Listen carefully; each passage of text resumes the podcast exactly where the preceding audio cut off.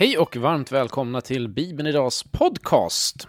Nu hade jag ju då lovat här att vi kanske inte skulle ha någon podcast under sommaren, men jag och Magnus har bestämt oss för att köra en lite annan variant här under sommaren. Vi kommer inte ha intervjuer, utan vi har bestämt oss för att tillsammans läsa en bok.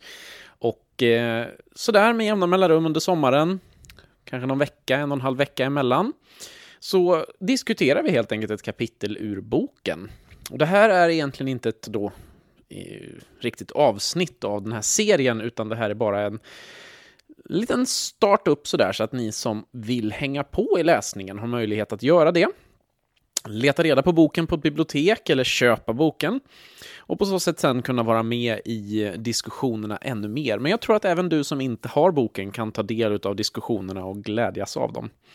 Vi får helt enkelt se vad det blir. Vi har aldrig provat det här förr, utan vi kör. Boken som jag och Magnus kommer att läsa tillsammans är Magnus Malms bok Kännetecken, att söka Guds närvaro i en kaotisk tid. Det är alltså hans eh, näst senaste bok. Den senaste handlar ju om sekulariseringen i Sverige. Både jag och Magnus, eh, inte Malm då, utan Magnus Wingård som ska vara den andra som läser, eh, har länge läst Malm med stor behållning. Och eh, vi brukar se honom lite grann som en profet för vår samtid. Eh, han har mycket som utmanar oss att fundera över och därför tänker vi att det här skulle kunna vara en intressant bok för oss att eh, läsa och inspireras av. Boken är utgiven av Artos Norma 2013 och finns säkert att få tag på fortfarande. Så att eh, det behöver inte vara några problem. Beställ den du från valfri plats där du kan hitta den och haka på i läsningen. Som en liten eh, så här, uppstart så tänkte jag faktiskt bara helt enkelt ta och läsa förordet. Eh, jag läser hela förordet. Och sen så hörs vi av igen om ungefär en och en halv vecka då vi ger oss på första kapitlet. Så eh, vi kastar oss rakt in. Här kommer förordet till Magnus Malms kännetecken. Det är naturligtvis något oerhört att en vanlig människa kan erfara en personlig kontakt med universums skapare. Det vi kallar bön är i grunden inget annat än ett mirakel. Inget annat kan så på djupet förändra en människas liv och ansluta henne till källor bortom allt vi ser. Och samtidigt denna paradox. Att detta mirakel fastnar i kön av allt annat vi ska göra under en dag. Att det mest futtiga projekt hela tiden tycks gå före det som verkligen har betydelse. Att vi går förbi den stora öppna dörren, med blicken tvångsmässigt fästad vid mål som gör oss mindre. I den skärningspunkten mellan miraklet och vardagen sker den andliga vägledningen. Om man bara sysslar med undret och blundar för hur det faktiskt är att vara människa blir det en förströelse för den andliga eliten. Om den trivialiserar bönen till ett vardagligt småprat i köksbänken befäster den vår instängdhet. Hur kan bönens port hållas oförminskat öppen mitt i en vardag som hela tiden tenderar att dölja eller krympa denna port? För 25 år sedan började jag experimentera med en form av daglig bön som, jag följt, som har följt mig sedan dess.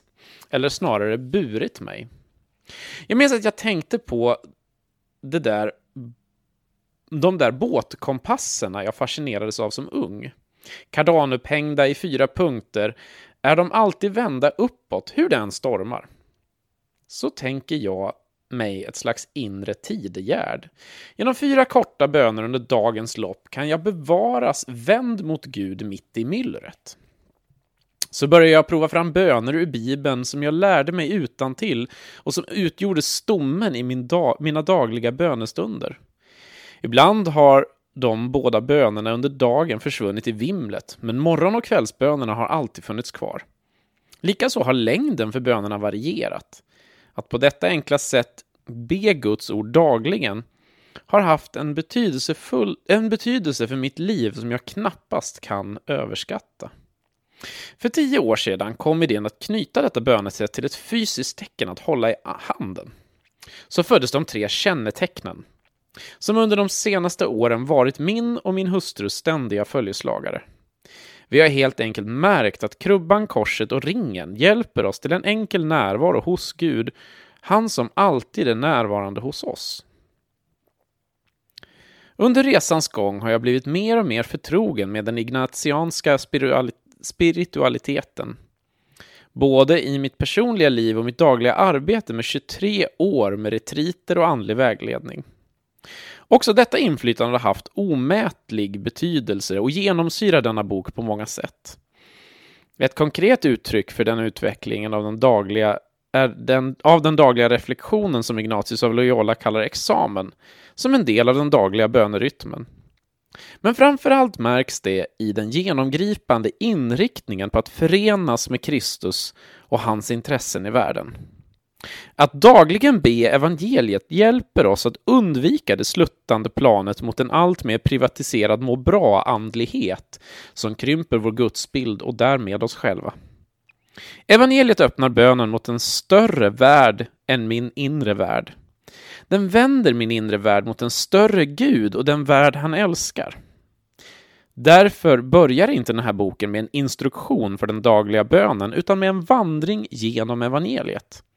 Ju mer förtrogen jag är med vad krubban, korset och ringen kännetecknar, desto lättare kommer de att hjälpa mig att smaka en större verklighet än mitt eget bedjande.